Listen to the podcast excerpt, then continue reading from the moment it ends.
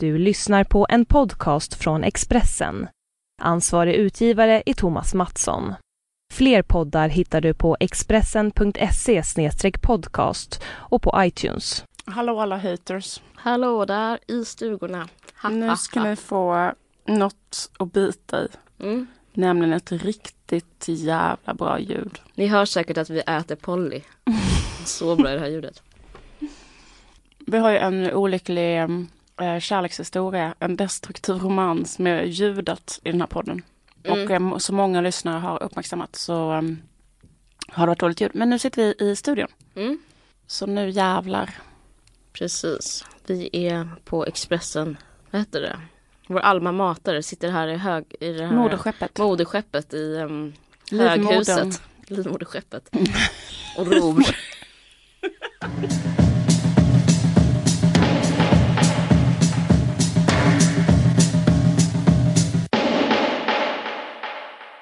Det är, vi är så himla trötta så att det är, eh, det är hemskt. Jag känner mig som en zombie. Ja, jag med. Fast det känns som vi haft det som ämne innan så jag vågar knappt säga det. Nej. Men det är sant, jag med. Jag, känner, jag har liksom hjärtklappning av trötthet. Mm. Men eh, min psykolog tycker att jag ska ta alla pass. Alla pass. På natten. Va? Med ditt barn? Ja. Får jag bara säga en sak? Mm. Han är kille, min psykolog. Jag bara undrar, för att han ger mig massa råd som hela tiden så passar, som är så himla fördelaktigt för min kille. Och Okej, vad sjukt. Mm. Han bara, men det är väl jättejobbigt för din kille, för nu är min kille pappaledig, eh, att ta hand om barnet en hel dag. Jag bara, det är faktiskt sant, det är sant. Alla hans tips till dig är så här, har du tänkt på att ge lite mer i sängen? Det är verkligen sådana tips. Vi ska egentligen åka till Los Angeles men då är det så här. Du borde låta din kille åka själv till Los- Los Angeles. det är sant. Va? Och ett annat är om min, ki- min kille hade jag kan göra reklam för hans band. Han har ett band som heter Dog Orchestra och de så spelade de i Hornstull för några veckor sedan. Då bara, du borde ge honom chans att tanka batterierna. Men han har bara sådana mm, tips. Så jag bara undrar om det kan vara så att manliga psykologer är lite dåliga. Är det så hemskt? Det känns som att man vill ha liksom en högre mm, abstrakt professionalism som är bortom könen, men det kanske inte är så. Mm, Jag vet inte. Nej, men att han har lättare att se saker ur din killes perspektiv. Mm. Att hans tips är bara så här, du kanske borde låta honom ligga med sin Du tjejkompis. kanske borde låta Han måste håret också- växa ut. Nej, Du kanske borde ha inte. klänning. Lite oftare. Det, Det rådet that. kan man inte ge dig för du har alltid klänning. Precis. Det är så rätt så lätt att, vara, att ta då liksom en sån person på allvar. Så det är därför jag tror att jag är vaken hela natten. Jag, får jag som olegitimerad säga att eh, jag tycker det låter jättesjukt. Det är klart du måste sova lite grann på nätterna. Vad är du vaken hela nätterna? Nej, men när min baby är vaken. Och i slutändan blir det poddlyssnarna som får ta smällen. Precis. Jag håller på att läsa Underkastelse av Ölbeck. Har du läst den? Nej, Nej. den finns hemma Ja. i gästrummet. Mm. Mm, där du ska sova, så du kan fortsätta. Åh, jag har den med mig hela tiden. Ja. Nej men det är så härligt. Det var länge sedan jag läste en roman. Så det är härligt. Men tycker du om den? För jag tycker pitchen är så svag att det är en framtidsroman. Att du inte gillar framtiden. Alltså att du tycker det verkar tråkigt. Jag gillar inte sci-fi. Ja, men det är ju liksom inte så långt in i framtiden. Det är säkert 20 år framåt. Typ. Ja, jag blev så, så, jag blev så äcklad när jag hörde att det var, ja men det är att eh, den islamiska staten, nej? Berätta Ja, men du, typ. det är bättre. Nej men det är att ehm, den sekulära liksom liberala mitten, falangen, typ alla liksom har eh, checkat ut kan man säga. Eh, och istället så är det bara då Front National och ett parti som heter Muslimska brödraskapet Ja, som har eh, tagit över. Och sen så vinner då eh, Muslimska brödraskapet. De har liksom så här, de ligger på typ lika mycket procent ungefär. mm. Och liksom att alla som är så här, uh, ja men allt från liksom moderater till socialdemokrater, så här, de har liksom slutat hålla på med politik eller tänka på politik överhuvudtaget. Mm. De pratar bara om så här, kanske fransk 1800-talslitteratur och eh, Hmm, intressant. mm, det är jätteintressant. Det är en bladvändare. Mm, vad kul. Verkligen kul. Så kul för mig att läsa skönlitteratur. Helt underbart. Men eh, jag har en invändning och det är att det handlar om en sådär väldigt då trött fransk universitetslärare som liksom inte finner mening i någonting i livet och liksom inte bryr sig om politik. Alltså allting är bara så här. eh, bara en av de grejerna han håller på med, eller en av de grejerna som han liksom fortfarande finner njutning i. För i det samhället så har liksom alla slutat flytta ihop och skaffa barn och sådana saker. Mm, de gör inte det förrän de blir kanske 50-60 år, att de kanske flyttar ihop med någon. De har bara så här meningslösa, det är liksom en, hur liksom den västerländska eh, människans liv har blivit eh, helt, alltså det är liksom en man kan tänka sig det mest innehållslösa, du vet när ingenting Liksom har ett riktig värde. dekadens på något sätt. Exakt, alla bara har så kanske någon tillfällig sexuell förbindelse som håller på några månader, ingen känner någonting för någon annan. Alla är så här äh, helt avslagna, det finns liksom inte att leva för överhuvudtaget liksom. Mm. Förutom att vara en identitär eh, europé som vill eh, upprätthålla gamla europeiska värden, Mm. slash vara muslim och vilja att islam ska vad heter det, påverka alla delar av livet och så. Ja. Och eh, jo men den en grej som han håller på med som fyller hans liv med njutning är sex, den här eh, universitetsläraren. Mm. Surprise, surprise. Men då är det i alla fall bara sådana jätte, är bara en invändning mot boken att det är så, att det är liksom otrovärdigt. Jag, jag vet inte. Det, det är inte särskilt intressant. Jo men det, men det, det är väl men inte otrovärdigt. Eller varför skulle det vara det? Nej men att det är otrovärdigt hur han beskriver sex, den här Öllebäck. För då Mm. är det så här mycket så att en 22-åring kommer hem till honom och har så här inga trosor på sig och stay-ups. Det är typ hans elev och säger så här. Jag har kommit hit för att suga av dig. Bowie. Ger honom den, hans livs bästa avsugning. Flashio. Mm. Precis. Mm. Eh, slickar hans anal intensivt. Alltså det är väldigt mycket så här, alltså typ att hon är någon slags sån total så här um, sexgudinna som är 22. Jag tycker också hela det här scenariot att ha stay-ups och en väldigt kort kjol och inga trosor. Mm. Det, var, det var stort på 80-talet. Alltså det, det är inte alls... Och så är det dessutom att ska jag komma tillbaka då i Öllebäcks universum så ska det um, modet, eller vad man ska kalla det. Jag tycker så otroligt, otroligt eh, Men det är inte lite europeiskt att ha en sån stil? Alltså det är inte alls akne att ha sån stil. Men alltså skulle inte typ på kontinenten någon kunna liksom... Jo, jag vet inte, jag har bara svårt, jag har bara så svårt för beskrivningen av ehm, liksom en 22-årig litteraturstudents sexualitet. Fast det kanske händer, vad vet jag. Jag bara källa eh, liksom vad man själv ser omkring sig. Ja Så känns det otrovärdigt att just göra så. Att man så här, inte har trosor på sig och går hem till någon och säger så här. Låt mig ge dig le, jag vet inte vad avsugning heter på franska. Plus bien de du vie. Precis, precis. Ja, men jag fattar vad du menar. Fast jag tänker att det finns någonting helt sinnessjukt i Frankrike som, som tappar in på det där. Jag tror också att Ölbeck ändå get some. Tror du inte? Gud ja. Det är klart han får det. Ja, För, för Ölbeck är hans liv säkert så. ja men precis. Ja. Eh, jo men det tror jag. Men jag tror kanske inte, alltså jag bara tänkte så här i den här franska universitets, alltså att det ska vara en sån dammig Mm, professor som har det så. mm. Men det, det, kanske, det kanske är så. Jag tror, alltså, tyvärr, Annars är romanen väldigt bra. Ja. Jag tror tyvärr det är så. Det finns ju inte ageism i Frankrike. Jag bodde ju i Paris ett år och det upplevde jag att man varje gång man var på ute så var det även eh, russin ute. Det är positivt. Mm. Fast det här är ju den dåliga downside att sånt här kan ske. Men eh, ja. Och de russinen hade bara ett sånt liv där 22-åringar kom hem till dem och erbjöd dem en mustig avsugning. Ja, jag tror att det fanns liksom en eh, eh, jag, ja, jag tror folk var otrogna lite. Folk Ja, man ja. kände till. Och jag kan tänka att någon av dem, om någon, man är, jag, jag kan tänka mig att det är liksom rätt så hett att vara universitetslärare. Men det är därför jag inte kan bo i Frankrike, för det är så sexistiskt. Mm. Eller någon annanstans än underbara Sverige. Underbar Södermalm, men det bor inte. Det här är så jobbigt Snart är det förbi den tiden tror jag. Det är en framtidsspaning. Att Sverige kommer bli eh, inte så underbart längre. Mm, det tror jag. Jag tror den här, eh, tror inte du att, eh, att, det håller, att det håller på att falla samman? Det är kanske för att jag läser Öllebäck som jag har en sån jättestark känsla. Jag tror att 2015 var liksom peak PK Sverige och sen efter det så kommer det att falla samman och jag kan berätta för lyssnarna att jag pratar bara ut i fjärran för att Karolina rest sig på, håller på ett, eh, Mikrofon. laga ett mikrofonstativ som, som någon, eh, någon, någon Ja, jag vet Någon härlig-. Det kanske bara ska ha den så här. Du får bara hålla den så, eller? Ja, det är så störigt. Det tar för mycket av min uppmärksamhet. Men jag får göra det ändå. Ja, hej. Peak Pegor Sverige var 2015, sen efter det kommer det att bli mer och mer och mer så här. Mm.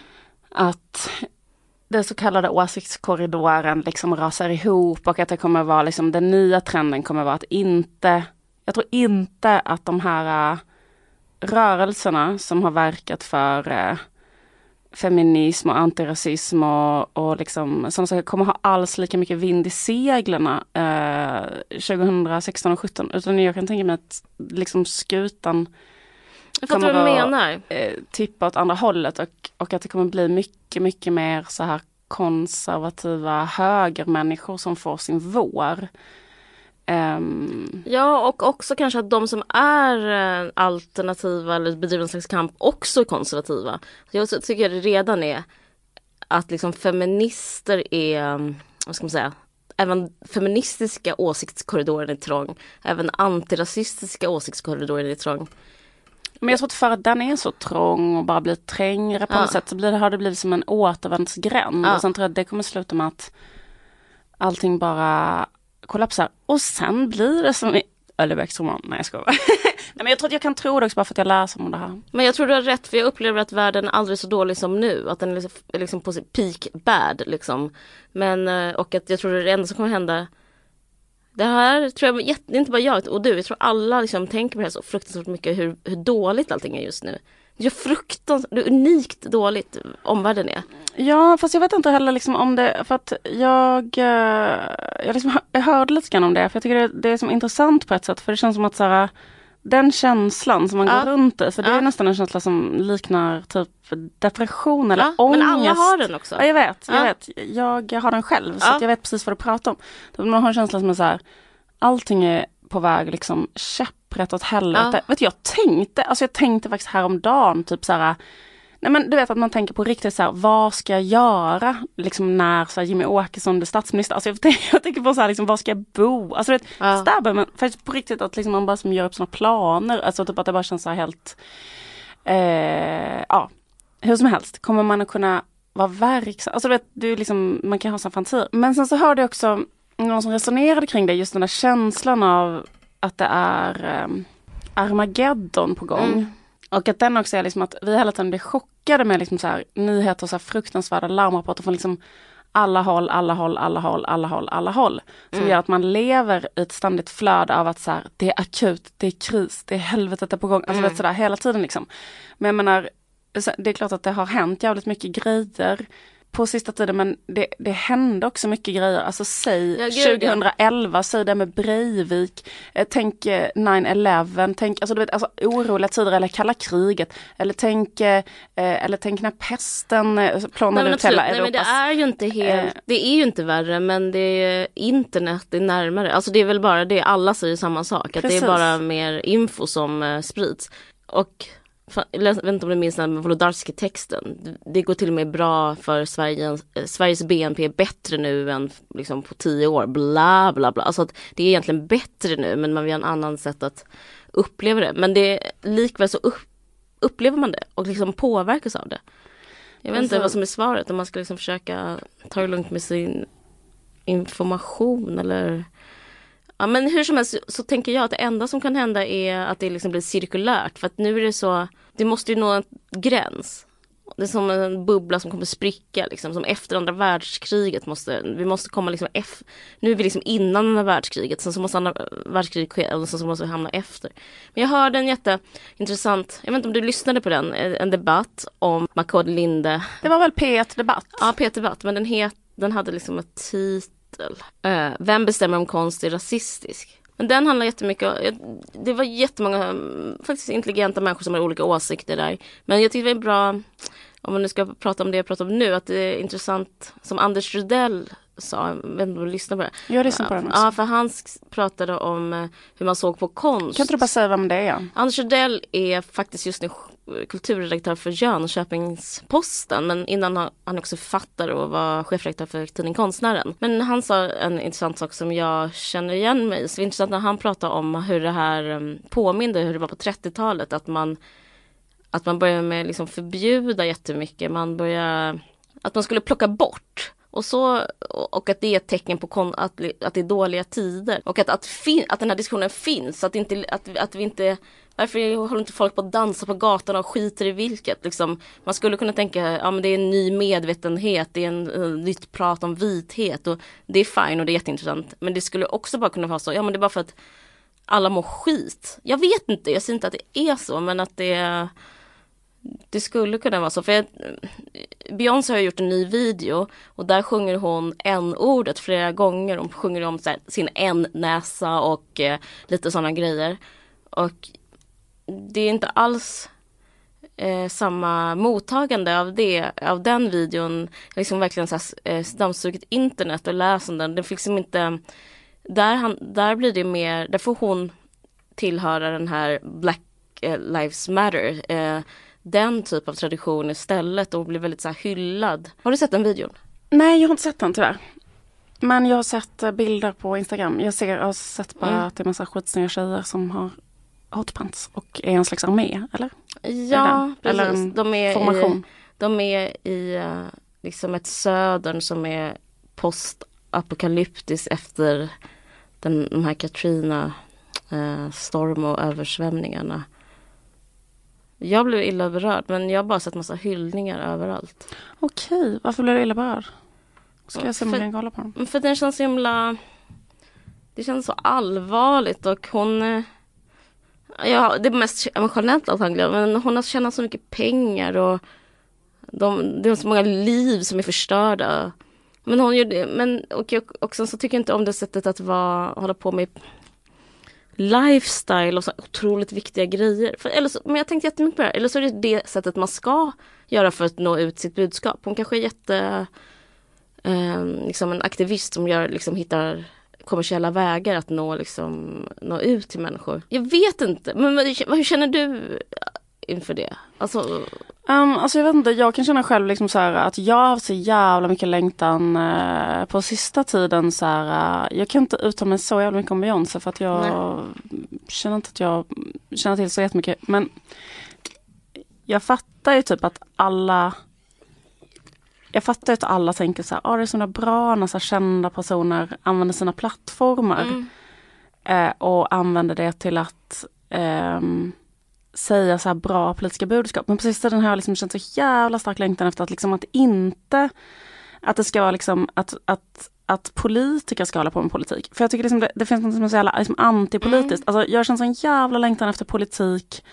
Och då menar jag riktig politik på det sättet att det finns riktiga politiska förslag exempelvis på vad vi ska göra nu. Alltså jag menar vad ska vi göra nu med det här med den här eh, flyktingvågen, hur ska vi göra? Ska vi ha de här id-kontrollerna? Kan vänstern komma med ett bättre förslag? Kan, kan vänstern göra en, en plan? Kan, kan vi liksom, du vet, fattar du vad jag menar? Kan det finnas politiska, kan, kan de liksom, jag menar Vänsterpartiet hade något förslag där liksom att vi kanske kan sluta betala eh, vårt EU-bidrag för att pressa de andra EU-länderna för att ta emot fler. Det tycker jag var en, en, bra idé till exempel. Man hade kunnat liksom pusha den ännu man mer. längtar efter det här. Man längtar Ja. efter politiker som kommer med politiska Ja. förslag och genomför dem. Vad man in, men det sker inte. Utan det som sker istället är liksom att en kultursektor av lallare som Ja. inte vet någonting om politik och inte är särskilt bra på politik. Då blir det så här att de, alltså så här, typ, jag fattar inte, så här, folk bara jublar här, när typ så här, Niklas Strömstedt säger någonting mot SD. Bara gör en sån anti-SD-låt till exempel i Så ska det låta, eller vad fan heter det? Så Ja, ska det låta. Ja. Eller så här, vår bästa antirasistiska tänkare är Malena Ernman, så här, vår bästa feministiska tänkare det är Sara Larsson. Alltså, här, att det är den här, att det är liksom hela tiden stämningen liksom så att jag skulle tycka det var så himla skönt ifall och jag inkluderar mig själv i det också bara som kulturutövare att det är så, här, det är så jävla märkligt liksom för att jag fick den frågan för jag var på ett panelsamtal så fick jag frågan så bara nu när det är så jävla sjuka tider nu, nu, nu ehm, för det är ändå väl liksom exceptionellt vad som hände 2015 med Just med flyktingvågen Europa, och precis. Europa och liksom hela den grejen med döden på Medelhavet. Bara, Nu när det är sån jävla akut situation känner du ännu mer då att det är liksom ditt uppdrag som konstnär eller eller ehm, vad heter det, jävla med, media, ja, mm.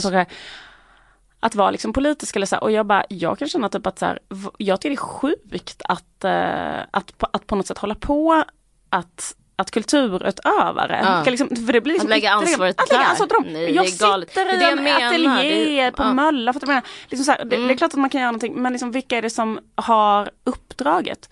Och sen också självklart liksom ekonomin, alltså Mm. vad är det som gör att liksom hela världen är så jävla skev Mm. från början och liksom kan någon orka ta reda på det?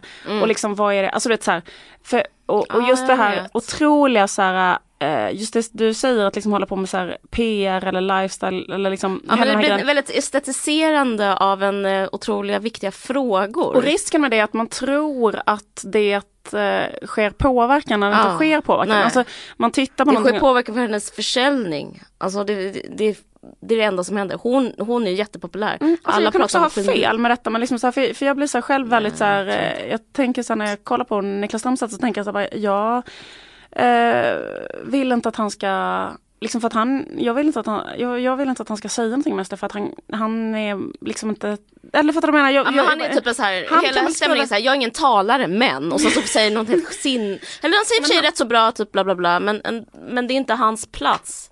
Det är jag, sorgligt jag, att de jag får tycker det blir platsen. tråkigt när, när, jag tycker det är liksom ett tecken på politikens liksom död typ eller så här, den realpolitikens död att det blir så här att, att man istället så här, liksom, typ puffar över det ansvaret på så här, Typ olika Grönvall, mello, du? Typ. Ja, exakt mello-människor. Och eh, absolut. Typ att, för, för jag tänker att Alltså jag tycker det säger någonting om sam- att det finns ett sug. Alltså det är det som är grejen, att alla har gemensamt att de vill ha ett slags svar på frå- de här frågorna och det är därför det blir så hyllat tror jag också.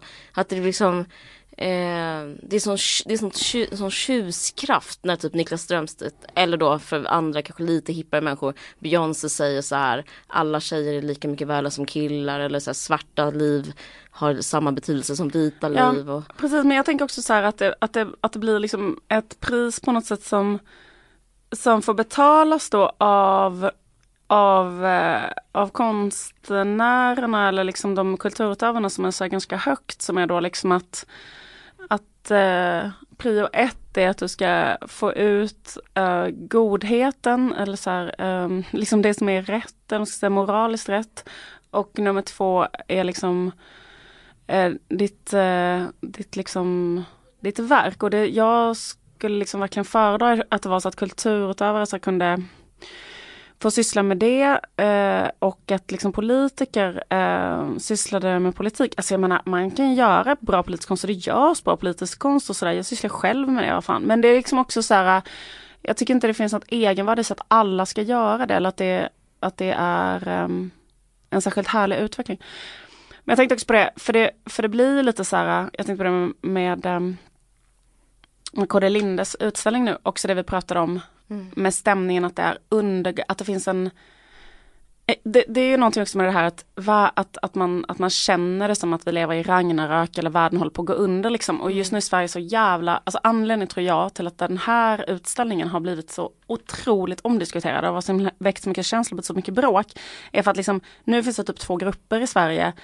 Där den ena gruppen eh, känner att ehm, liksom, eh, eh, vad heter det, SD eh, är typ snart, eh, alltså de är typ andra största parti. Mm. Eh, det är liksom nazister på gatorna som slår ner, Mm. eh, vad heter det, rasifierade. Vi har stängt eh, Sveriges gränser, Mm. det är liksom eh, dör barn på medelhavet. Vi bygger in Europa i en, i en zon. Det finns liksom fruktansvärt mycket eh, afrofobi, eh, liksom, eh, liksom fruktansvärda kränkningar, rasism, Mm. hela den här grejen. Eh, och det är jätteakut och i det, i det liksom kriget där man är livrädd då för att liksom fascismen ska typ ta över igen och liksom bla bla bla.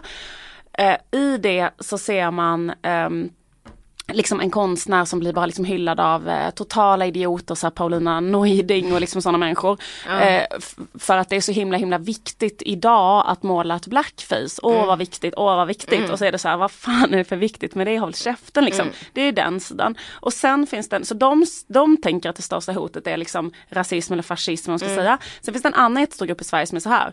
ehm, vad heter det, eh, eh, Sverige som nation håller på att liksom förstöras. Det är också Ragnarök, tänker ju de. Mm. De är också inne på det här att det är den Mm. yttersta dagen. Att hela liksom, nationen håller på att liksom förändras i grunden. Vi har, vi har eh, en, en jätteinvandring, massinvandring eh, och eh, det som kommer hända är att, eh, vad heter det, Eh, nej men liksom att, att och, och, och, och, och att hotet i Sverige är att det finns en PK-elit som bestämmer vad som får sägas och vad som inte får sägas och att alla röster inte får höras och att så här, invandringskritiska röster får inte Mm. höras och, eh, eh, och då ser de den här Makuda Linde, protesterna mot honom som, som ett bevis. Så liksom den här utställningen eh, tappar in liksom Mm, på verkligen. en sån infektion i samhället om man ska säga där, där alla kan få eh, liksom eh, båda, båda de två grupperna kan ju få sina så här Ragnaröks känslor Mm. bekräftade. Mm.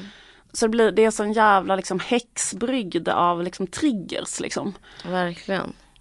Ja men precis, när jag skulle läsa om det så kom jag in eh, direkt på avpixlat och Mm. alltså det, det känns väldigt eh, obehagligt hela grejen. Men du och jag pratade om det tidigare Mm. i veckan. Och då var jag så här, mådde jag väldigt, jag ska inte säga hur jag mådde men då hade det precis hänt där med att de här nassarna har gått ut i Stockholm en helg och skulle slå ensamkommande flyktingbarn på grund av att journalister har tagit polisens språk bokstavligt, alltså allt är bara liksom fars. I allt, allt är superallvarligt och samtidigt är det den här farsen och så, så nu har alla, eh, nu har SVT gått ut och så här med en ny eh, att de ska, måste börja lära upp sina journalister att läsa av polis eh, lingo. För att annars så blir det liksom att till slut står en journalist och säger så här Invandrare har förstört. Nej men det blir liksom väldigt konstigt alltihopa.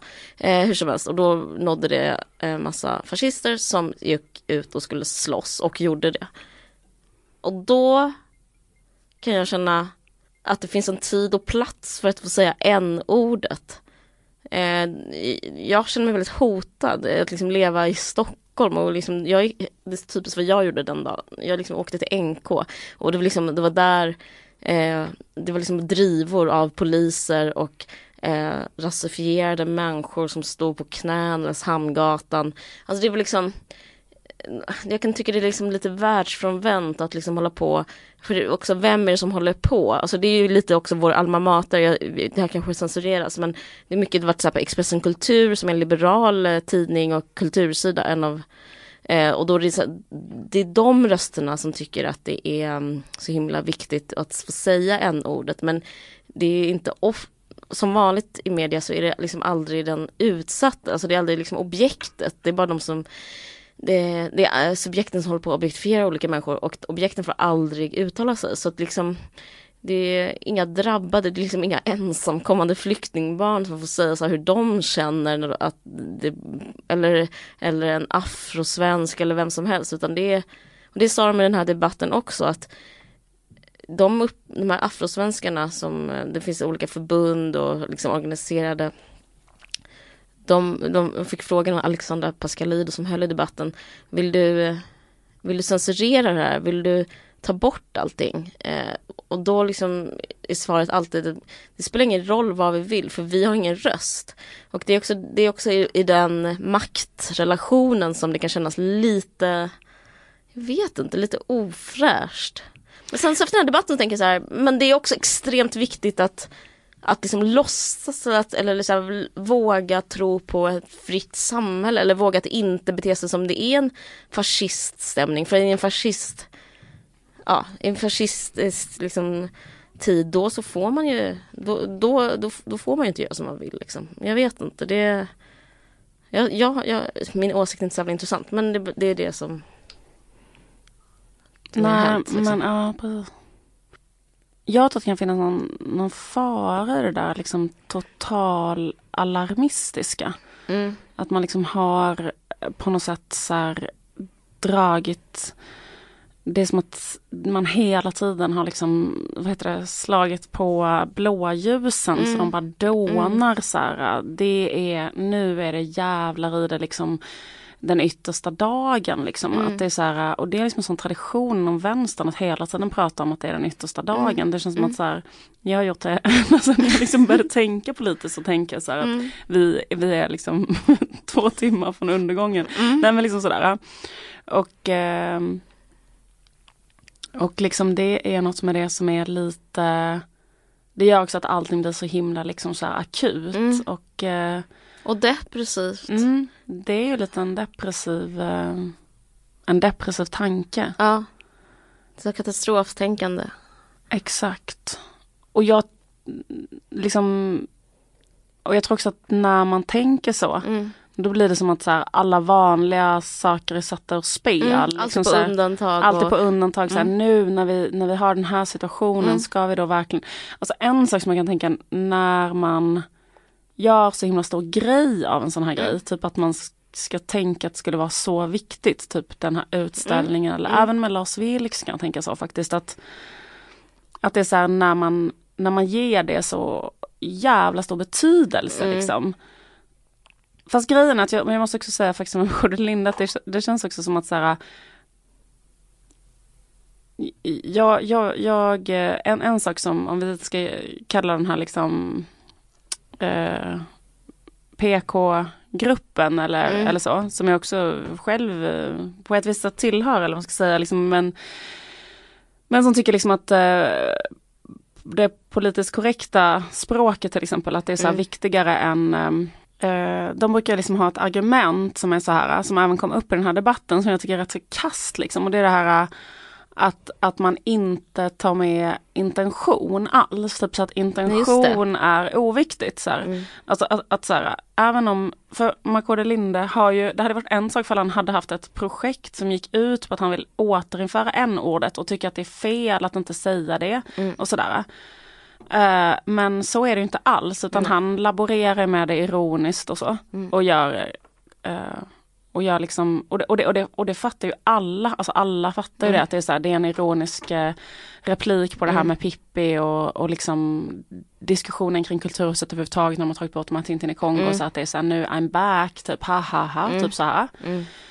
Eh, men att liksom att, att, att eh, det finns något med PK som är så att man inte ser ehm, ironi eller Mm. skämt eller humor eller kontext alls Nej. utan man läser allting bokstavligt. Och så var det också nu i debatten att i vilken kontext folk än använder så här n-ordet, alltså det var bara liksom en, eh, just alltså det. Christian Katomeri som är liksom en så här super eh, erkänd antirasistisk tänkare, en av de första i Sverige som började skriva Ja. de här frågorna. Som är så här, Tänkt, han, han Mm. bara liksom reciterade Mm. vad titeln på utställningen och då började folk bara skrika bu för att man får inte ens liksom han, äh, inte ens liksom han som då har, står helt Mm. 100% på deras sida liksom eh, vill, får liksom bara recitera ordet liksom. Mm. Och, eh, hur som helst. Och det argumentet för det är ju att det är liksom en triggervarning och att, eller liksom en trigger för folk att återuppleva trauma från att ha, så, och det kan man ju liksom ha som sin poäng men skitsamma. Minns det där med intention.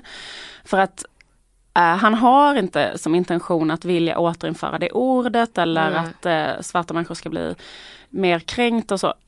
Och, och då tänker jag så att det finns något med att också ta hänsyn till intention.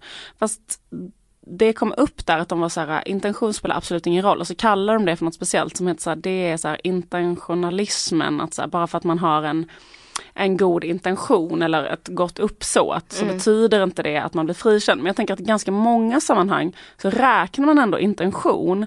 Till exempel när det gäller i juridiken, alltså typ när man, jag tänkte på det med mord till exempel. Ja, uppsåt. Uppsåt Ja, är ju en, alltså ifall man inte haft ett uppsåt att skada men ändå typ har mördat en person, då får man ju så lägre straff än en som verkligen har velat, tänkt Mm. mörda och planerat det och så vidare.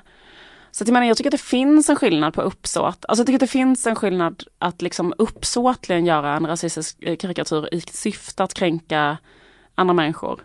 Precis. Och att den intentionen liksom är ändå liksom har någon poäng. Absolut. Absolut. Jag reagerar på det också. Jag reagerar också på att eh, vad fan heter han, Nathan Hammelberg Mm. pratade om, han var liksom kritisk mot det gamla säget eh, typ, in the eye of the beholder, alltså i betraktarens öga, det är där liksom själva konstverket vars blir. Liksom, okej. Så att, eh, eh, och för han tycker att det ligger för mycket ansvar då på den personen som ser konsten. För att Makodes inställning var så här eh, Hej och hå, alltså lite så här, som alltså, vedertagen inställning. Så hej och hå, eh, man får tolka lite som man vill. Själv så handlar det här om ett ex. Det tycker jag är rätt så roligt. Mm. Uh, den där tårtan som eh, Ja det var inte den tårtan som handlade om det utan strutsen. Ja, struts, ja. strutsen handlar om ett ex. Ja, det, men eh, liksom hur som helst tycker jag det var rätt så kul att bara föra in en så privat personlig eh, grej. För det är så upplever jag att konst ofta är. Att det, det bara är någonting och sen så bara tycker någon annan någonting. Och sen så bara kan man få en känsla, så kan man till exempel bara tycka den är fin. Det är också eh, i sådana här diskussioner försvinner hela estetiska lagret. Men det är en annan diskussion. Hur som helst så, så, så blir de så sura, de som kritiserar det här. För att, för just den där idén om att skönhet finns i betraktarens öga eller liksom tolkningen finns i betraktarens öga. Och att det var ett sätt att ta, ta, frå, ta liksom, ja, liksom skriva sig fri från ansvar. Uh, ja, men jag vet inte, jag tycker det är liksom ett väldigt så speciellt sätt att se på konst att uh, liksom att, om ansvar överhuvudtaget. Alltså det är svårt. Ska, ska, man, ska man ha det som Ska det finnas med som en som en parameter i konst, ansvar. Jag vet inte, jag, jag, jag tror, jag bara, ja, jag känner lite kritisk mot det. Um, för den, för de som är kritiska mot det här är liksom att den, så fort man är kränkt så har man rätt. Och jag vet inte, jag vet inte. Det är så här, uh, ibland funkar ju det. Till exempel i ja, sexistiska sammanhang kan det funka. Eller liksom om man har känt sig eh, Ja men skitsamma. Jag bara, det, är, det, är en, det är ett ovanligt sätt att se på konst tycker jag. Eller liksom, jag, ja. Ja, alltså det är liksom det som, det som jag tycker känns så här Alltså att det som är felet i, i svensk eh, konstvärld och konstvärlden mm. överhuvudtaget det är liksom att så här, vi lever i ett jävligt gravt eh, klassamhälle som är mm. jättesegregerat utifrån eh, eh, också etnicitet, att liksom det finns inga um, på konstskolor som inte passar arbetarbakgrund mm. eller kommer liksom an, eller rasifieras eller så, utan det är liksom en otroligt så här, vit och medelklassbunker mm. liksom och, och att den också bara pågår och eh, Eh, så liksom där har vi liksom ett enormt problem. Mm. Och, eh, och sen, så, så det tycker jag liksom är en så otroligt så relevant eh, kritik och jag vet inte riktigt hur man skulle hur man skulle komma loss med det. Men där tänker jag återigen, där, varför vi efterlyser så politik och så politiska förslag. Jag undrar liksom så här, hur skulle man kunna komma till rätta med det med liksom så här jävligt så här, typ riktade satsningar på olika sätt. Eller kanske mm. jobba med stipendier. Det gör man i USA, så här, mm. att folk kan få stipendier. För jag tänker att anledningen till att folk inte söker sig till sådana utbildningar att man inte vill gå så fem år och få massa studiemedel mm, för att leva som en råtta hela sitt liv efter det för, för då måste man ha typ rika föräldrar. Och det är ett jättestort problem inom hela kultursektorn att det mm. är så. Eh, och det gör ju vilka, berättelser som berättas blir asskevt och eh, liksom vilka, vilka röster som kommer fram. Och så, där. så det är liksom en sak, så är det 100% och det är de 100% rätt i. Liksom. En, an, men en annan sak som också är eh, 100% rätt, det är ju att han måste få Eh, bestämma själv vad hans utställning ska heta tycker jag. Och mm. han måste få eh, göra, leka med de eh, rasistiska stereotyperna och göra det på det sättet som han själv vill. Speciellt om han har blivit liksom anlitad av Kulturhuset ja. och sådär. Så det är liksom, så, men, så det är liksom men jag tänkte som, som kom fram att det, han är den enda konstnären som inte kan det vara så sjukt? Den enda Nej, afrosvenska... Okej, två också. personer mm. i hela kulturhusets historia som, in, som har varit så här afrosvenskar som har fått ställa ut där eller liksom afroamerikaner eller vad som helst. Det, det har liksom aldrig det har aldrig funnits innan och då blir det direkt ett problem. För att om det hade varit helt så vanligt och han är en av alla och mm. den här utställningen handlar problematiserar blackfaces Precis. och den här utställningen problematiserar jag vet inte, liksom en annan del av vad som helst. Vad som helst men det är, en, det är liksom en svart person eller det är liksom en afroamerikan eller afrosvensk person som gör det. Då hade det liksom inte behövt bli så, så känsligt men nu är det som att han ska få eh, han ska föra allas talan och det är inte, det blir liksom fel fokus, det är inte hans fel. Nej, jag vet. Det är liksom inte han som kan ta ansvar för att han, för att kulturhuset är har en rasistisk struktur. Liksom. Men jag, jag tänker så att de måste ju möta detta genom att göra så ett år av utställningar Ja. och vara efter honom nu. Det enda rätta de kan göra nu är att ha så här tio separatutställningar på raken. Ja. Liksom. Eh, av olika typ afro, svenska slash andra länder. Men alltså för, eh, för att det ska bli. Men, men jag kan ändå bli så lite, alltså lite häpen av vad, alltså just det där med synen på konst. Alltså Mm. vad folk sa i den här panelen också. Alltså att man lite grann baxnar av liksom hur folk kan vad, vad folk tycker. Alltså typ så här Mm. verksamma konstnärer som så här Elisabeth Olsson Wallin som var med i den här panelen. Och så bara ska hon säga vad hon eh, tycker om ehm, eh, Då börjar hon säga så här att hon inte tyckte om den här Painful Cake som han har gjort till exempel.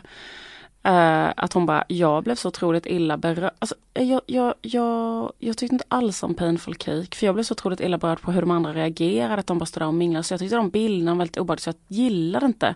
Alltså att hon bara gjorde den här Jag grejen så här, jag blev illa berörd därför gillar jag inte det konstverket. Hon har skrivit det på sin blogg.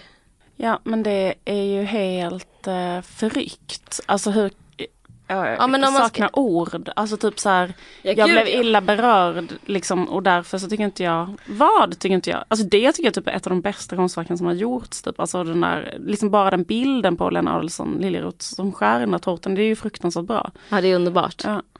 Eh, det är perfekt. Men, det, men för, om man inte får sån, men Elisabeth Olsson Wallin frågetecken utropstecken. Ja, eller bara frågetecken punkt punkt punkt. Jag vet inte.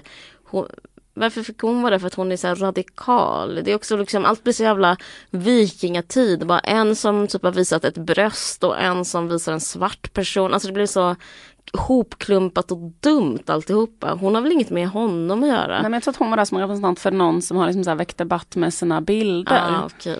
Eh, och så här att eh, många liksom kristna kände sig ju eh, kränkta av hennes bilder. Mm, Och liksom mobiliserade jättemycket mot henne så att hon inte skulle få göra utställningar och sådär. ja.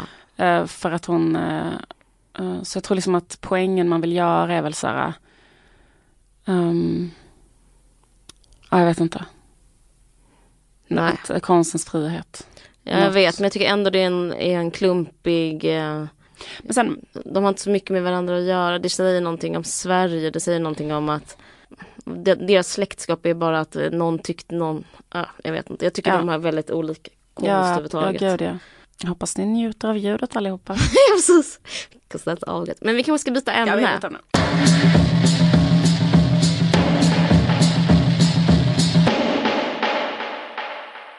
Det är snart alla hjärtans dag. Mm. Och Är det en stor dag i ditt liv? Ja, Nej, lite. Nej, det är inte. Men jag har tänkt lite på kärlek. Det är ju ett ämne som du gillar ibland.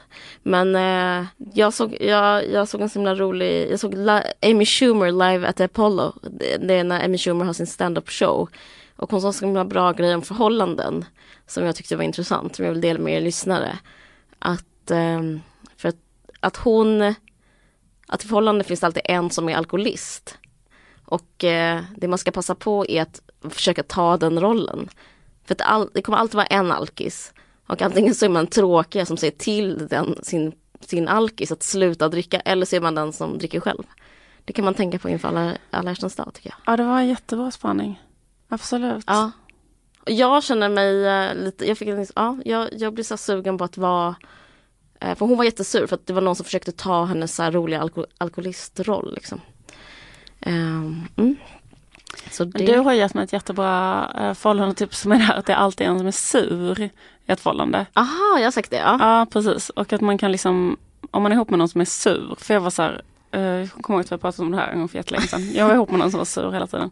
Och då sa du så här, var sur själv, för det är det bästa Ja. sättet att få makt i ett förhållande. Jag bara, mm, gick hem och var sur och bara på en halv sekund så är den andra personen som en så här knähund Ja. åt en. Så som man själv var åt den för Ja. bara liksom en liten stund sedan.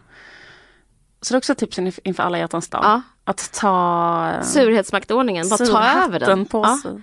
verkligen, för det är ju ingen som or- det är ju, jag håller med mig själv, det är ingen som orkar med någon som är sur. Alltså man or- det är verkligen terror. Nej men att man blir så rädd. Man, Man bara, vill bara att det, ska sluta. Ja. Ja, precis. Och, så, och det, bästa är allt. det bästa är att vara så odefinierat sur. Så att liksom aldrig Nej, går det är, inget, det är inget. Det är inget. Man säger bara så här, det är inget heller. Sen bara Ja, precis. stirrar. Ja, så det kan ni tänka på inför alla hjärtans två härliga tips. Ja, annars. Annars är det bra. Jag ska snart åka till Indien. Kul. Och kommer jag kunna podda därifrån? Indien har inte internet. Jo, det har de. Men ja, precis, för annars har jag tänkt på att du kanske måste ha en vikarie. Ja, precis. Vem skulle du ta då? Men hon som du är lik, vad heter hon?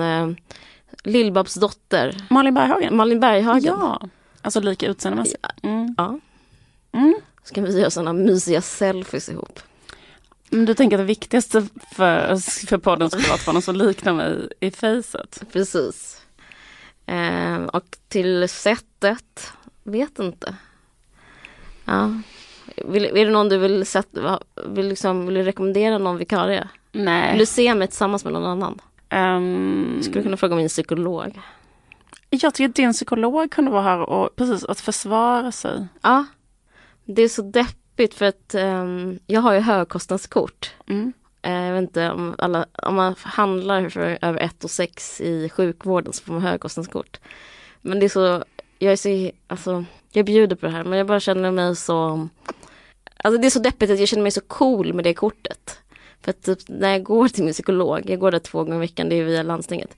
Då så går jag dit och så är jag så här typ Alltså typ divig mot dem i receptionen på grund av det kortet. Alltså det, det, det är så sjukt det här med att det fungerar exakt som eh, typ ett spybar-kort eller typ så här trädgården-kort. Men jag har det här högkostnadskortet så jag bara går dit och så är så här att jag inte behöver visa lägg och så är det så här, ja men typ eh, som jag sa innan att jag, jag säger alltid fel om han heter Lennart eller Gunnar. Och det är också typ att jag, because I can. Alltså det är väldigt mycket sån stämning att jag är så här, ja men jag är här nu.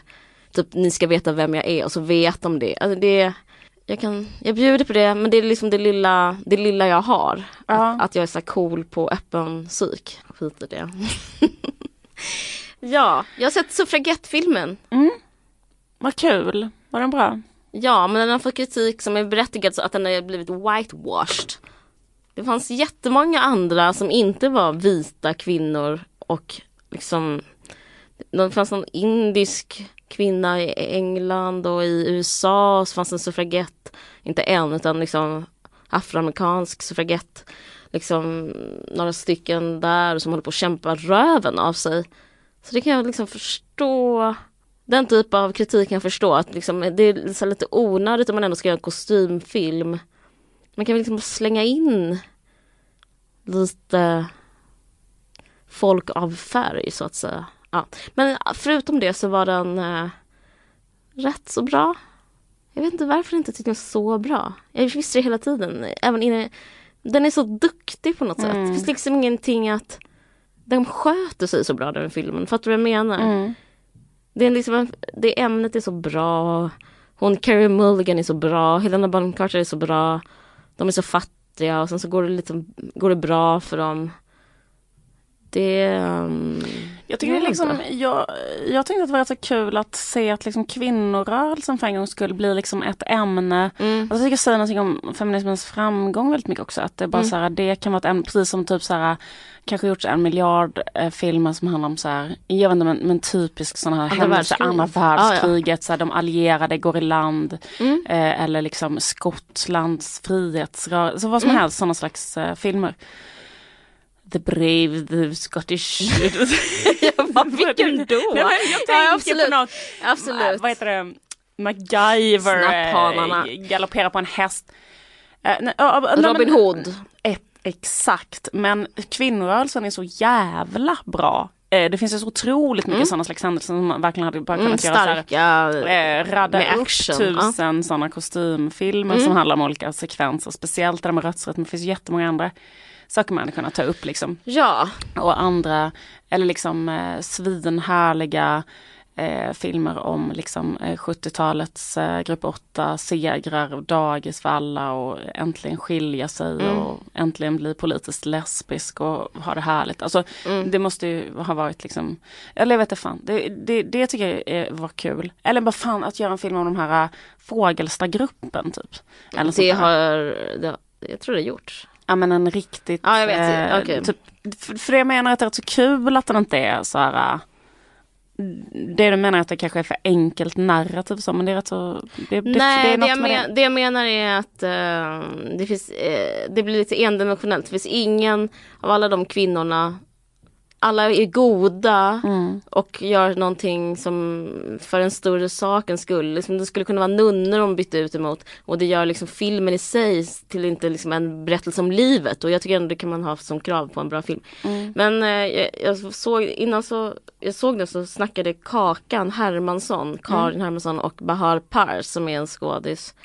Eh, men det här blir så deppigt det här samtalet. Men även de, Barbara Paris pratar lite om den här grejen som vi pratade lite om med Beyoncé innan. Att det hon upplevde med den här filmen, att den har blivit så här Hollywood, så här, fått ett okej av Hollywood är för att eh, man på samma sätt som Beyoncé liksom tappar in på en slags feministisk våg. Är att man kan liksom inte, det finns bara, man kan bara hålla på så länge att förneka att kvinnor finns. För så har det ju varit i liksom Hollywood tills nu att kvinnor bara antingen är sekreterare eller typ bara en älskarinna eller en dotter som inte har några repliker. Typ. Det är typ inte ens ett skämt utan en sån stämning. Men eh, nu är det så många liksom, kvinnor är också köpstarka och de är också biokonsumenter. och De vill se berättelser om sig själva. Att eh, det är bara ett sätt att eh, så här, lugna, lugna sin publik och eh, liksom få liksom goodwill på något sätt. Att det inte handlar alls om själva kampen utan det är bara ett sätt att liksom eh, inte bli kritiserade och liksom hänga med i trenden. Man kan ju se samma sak överallt. Att, att det är liksom, vad ska man säga, att det är svennigt med feminism. Eller inte, feminism är fel ord, alltså det är svennigt med att vara tjej eller att kvinnor finns är väl bara liksom själva kontentan. Samma med Barbie. Barbie har gjorts om nu jättemycket. Har du sett det? Ja, jag såg bara pyttelite. Det finns massa olika nya Barbies. Typ långa Barbie, petit Barbie, kurviga Barbie och så vidare. Också så olika hudfärger på Barbie. Eh, för försäljning har gått ner liksom otroligt mycket de senaste 11 åren. Eh, läste det här. Och det de har fått kritik för är liksom att de är helt otidsenliga och det är ju liksom kommer det inte vara så att de alla bara väljer ändå den där blonda med stora bröst? Jag vet inte. Jag tror, inte, nej, jag tror att Barbies tid är över så att säga. Mm. Ja men exakt, det tänker jag mer är för att så här, folk köper liksom, jag vet inte vad, brats eller något sånt där. Ja precis. Men de har ju, de har ju i alla fall olika hårfärg. Ja, jag vet jag har inte sett dem. Men, eh, förlåt att jag är så jävla tråkig i det här avsnittet. Jag känner, Du är inte tråkig. jo du, du ehm, är rolig men jag är som inte så tråkig. Men skitsamma. Jag ska se om jag skrivit upp något annat. Min eh, syrra berättade just att hon har fått en så här övning ehm, som är så här att man ska tänka på, okej, man, man, ska, man ska göra den här övningen, tänka på så här en sin 90-årsdag och sen så här visualisera. Sin 90-årsdag? Mm. Herregud. Visualisera din 90-årsdag. Du Ja. sitter i ett rum, hur ser rummet ut? Likadant som, likadant som det du bor i nu kanske. Eller detta, vi sitter och poddar här kanske, vi är 90 år. Mysigt. Expressens. och så ska det komma. Alltså en geting som har börjat så här gråna går förbi. Mm, Expressens geting. mm. Precis, i så här uh, Armageddon, eh, Sverige, så är fortfarande Expressen kvar och vi är 90. Nej men i alla fall, och då ska man visualisera att det ska komma tre liksom nära och kära till en på något sätt, eller vänner, gamla vänner. Trevligt. Eh, mm. Och så ska de säga så här, eh, liksom säga något om ens liv. Typ så här, gud vad härligt att du ägnade ditt, om jag, när jag tänker på ditt liv så tänker jag att du har ägnat dig åt, åt det här. Mhm. Och då är liksom, vad för tre grejer skulle, skulle man helst vilja att de sa till en då? Mm. Alltså övningen är för att man själv ska komma på vad man vad, vad, liksom, vad är ens värdeväg? Eller fattar du vad jag Aha, menar? ja. Typ vill man helst att de ska säga till en så här, du var alltid smal. Eller så här, eh, Du var smal du hade en så rummet. bra podd. ja. Eller vill man så här, att de ska säga ehm, Tack för att du alltid fanns där för mig. exakt. Fast jag vet inte om vännerna, för liksom vännerna, vännerna kommer ju ändå, eh, jag vet inte om det är så himla bra den här övningen för att vännerna kommer ju bara att Ens vänner kommer ju bara uppskatta sådana saker, exakt sådana saker. Tack för att du alltid fanns där för mig, tack Mm. för att du lånade pengar. Och så, Mm. eller så här. De kommer inte säga så här, eh, tack för eh, allt du, eh, alla poddar du gjorde, eller? Nej. Men det är ju det som är hela poängen med den här övningen ju. Att, man, att det inte är värt skit att podda. Hmm. Det är inte värt skit att man, någonting, man, ens prestation. Det tänker jag att det måste vara det man kommer fram till. Mm. Förlåt. Fan, Jag tänker, outsmarted. Nej men för, nej, för vet du vad jag tänkte att Nej. jag ville att hon skulle säga till mig? Nej. Att, eh, att, eh, att man har så ett bra arbete liksom. okej. Och plus såklart man skulle vilja att de sa du har varit en jättebra mor till dina barn Ja. och du har varit en eh, Jag tänker att det är typ, sånt som man ska så komma på. kvalitativ vän som man, alltså att man har kunnat ha relationer liksom Mm. och vara bland människor på ett sätt så här, liksom som där det har funnits kvalitet i det liksom.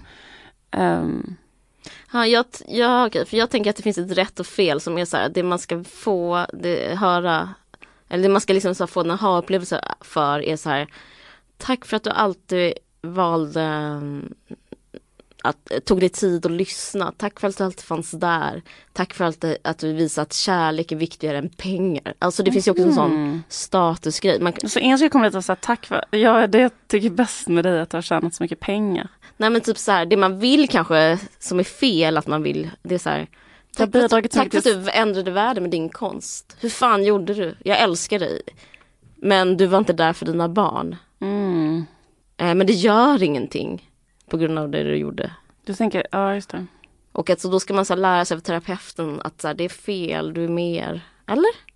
Jag tycker alltid finns en sån moral.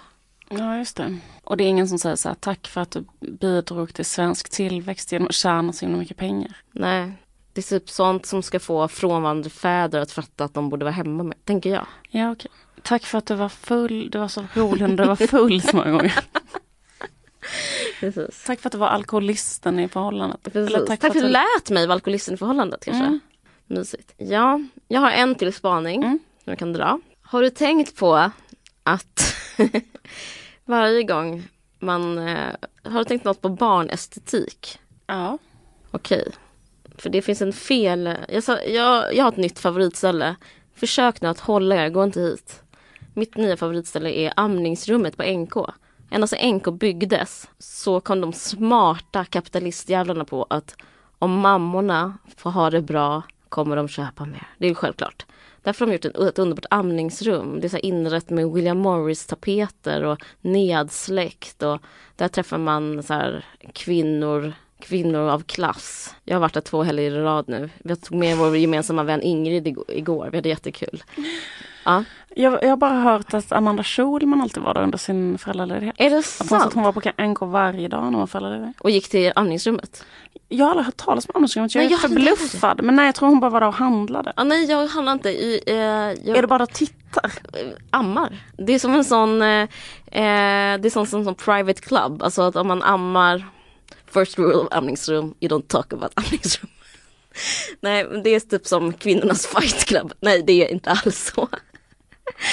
Ah, hur som helst, det är asmysigt i amningsrummet. Jag vill göra en tv-serie som heter Amningsrummet. Någon som producent som är. För det är så himla härliga kvinnor som berättar om sina liv där. Och typ eh, är jättepsykade av varandra. Så det är så här eh, både psykig stämning och god stämning. Mm. Eh, alltså den bästa stämningen. Hur som helst, det är så himla bra inrätt. Och jag och vår gemensamma vän Ingrid Mm. började prata om hur man brukar annars, varför det är så nice där. För att så fort man håller på med barn eller är ett barn själv eh, eller ska göra något för barn, då så gör man fel, vad heter det, en, en tankevurpa. Ett logiskt felslut som är om barn ska ha det fint då inreder man på ett visst sätt och det är det här sättet. Det ska se ut som ett barn har gjort det. Eller hur? Och eh, jag vet inte om någon bryr sig men någon som kanske har barn som lyssnar på det här kanske kan hålla med. Eh, jag, bara, jag vill bara slå ett slag för typ att, eh, att inte att barn och barnslig är inte samma sak. Alltså barn kan ju uppskatta så här eh, vacker impressionistisk konst eller så här färger eller liksom former. Men det man tror är att barn bara uppskattar sånt som typ en huvudfoting men det är bara för att de själva kan rita det. Så om man inreder ett barnrum så är det liksom, har man kanske en så felstavat namn. Alltså visst tydligaste exempel för att alla verkligen fattar vad jag menar är Childhood, Childhood-loggan. Det ser ut som ett barn har gjort det bara för att den heter bara för att det heter Childhood. Alltså det är, det är lite såhär dyslektiskt. Mm. Kan vara Victoria som gjort det, men jag tror inte det. Men liksom men, jag, men jag bara skojade. Nej men jag bara menar att du fattar. Det är jättebra skämt. Det är jättebra skämt. Mm. Men eh, du förstår vad jag menar. Jag det var så snällt att låta Victoria vara med och göra någonting också i Childhood. För jag trodde annars det var mest Silvia som hade grej. Ja men precis, men hon gjorde den här felstavade loggan. För, och den, gick, den var okej okay på grund av att eh, eh, man, eh, man ser ner på barns estetik. Men det är bara för att de kan inte, de har inte lärt sig bättre än. Nej just det, men och jag tror verkligen det är fel därför att är det något barn uppskattar så är det verkligen så här, eh, vad heter det? God form. Eh, ja precis, eller jag menar de uppskattar ju figurativ konst. Ja, de uppskattar figurativ konst men de uppskattar också liksom en god färg eller bara ett ljus och alltså jag tror att man har tänkt fel. Uh, ja, okej, okay. bra spaning. Jag själv, jag känner mig träffad för att jag har in, liksom målat själv i mina barns rum och det ser för jävligt ut. Vad har du gjort för något? Nej, men jag försökte göra... Jag försökte till exempel göra någon slags schabloner på deras byrå. Och som blev jättefula. Det som ett barn hade kunnat göra. Som bara så, så ser det ut. Så. Ja. Men du, ska, du kan trösta dig med att det är väldigt socialt accepterat. Mm, nej men det tar jag med mig. Ja, bra. Um... Själv har jag, gett, uh, har inrett mig en persisk matta i vårt barnrum. Mm. För vem gillar inte det, am I right? Absolut. Okej, det var faktiskt, nu har inte jag mer. Nej, tack för att du eh, ändå drog den här, uh, rodde den här båten så länge. Livmoderskeppet. Livmoderskeppet. Eh, Okej, vi hoppas att ni njöt av ljudet i alla fall. Tack ja. för att ni lyssnar. Tack så hemskt mycket. Nästa gång blir det Indien special.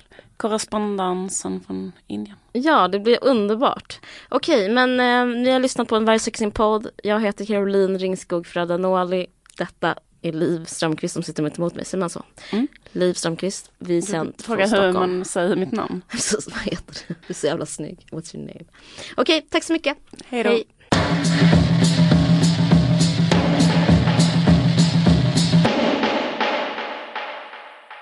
Du har lyssnat på en podcast från Expressen. Ansvarig utgivare är Thomas Mattsson. Fler poddar hittar du på expressen.se podcast och på iTunes.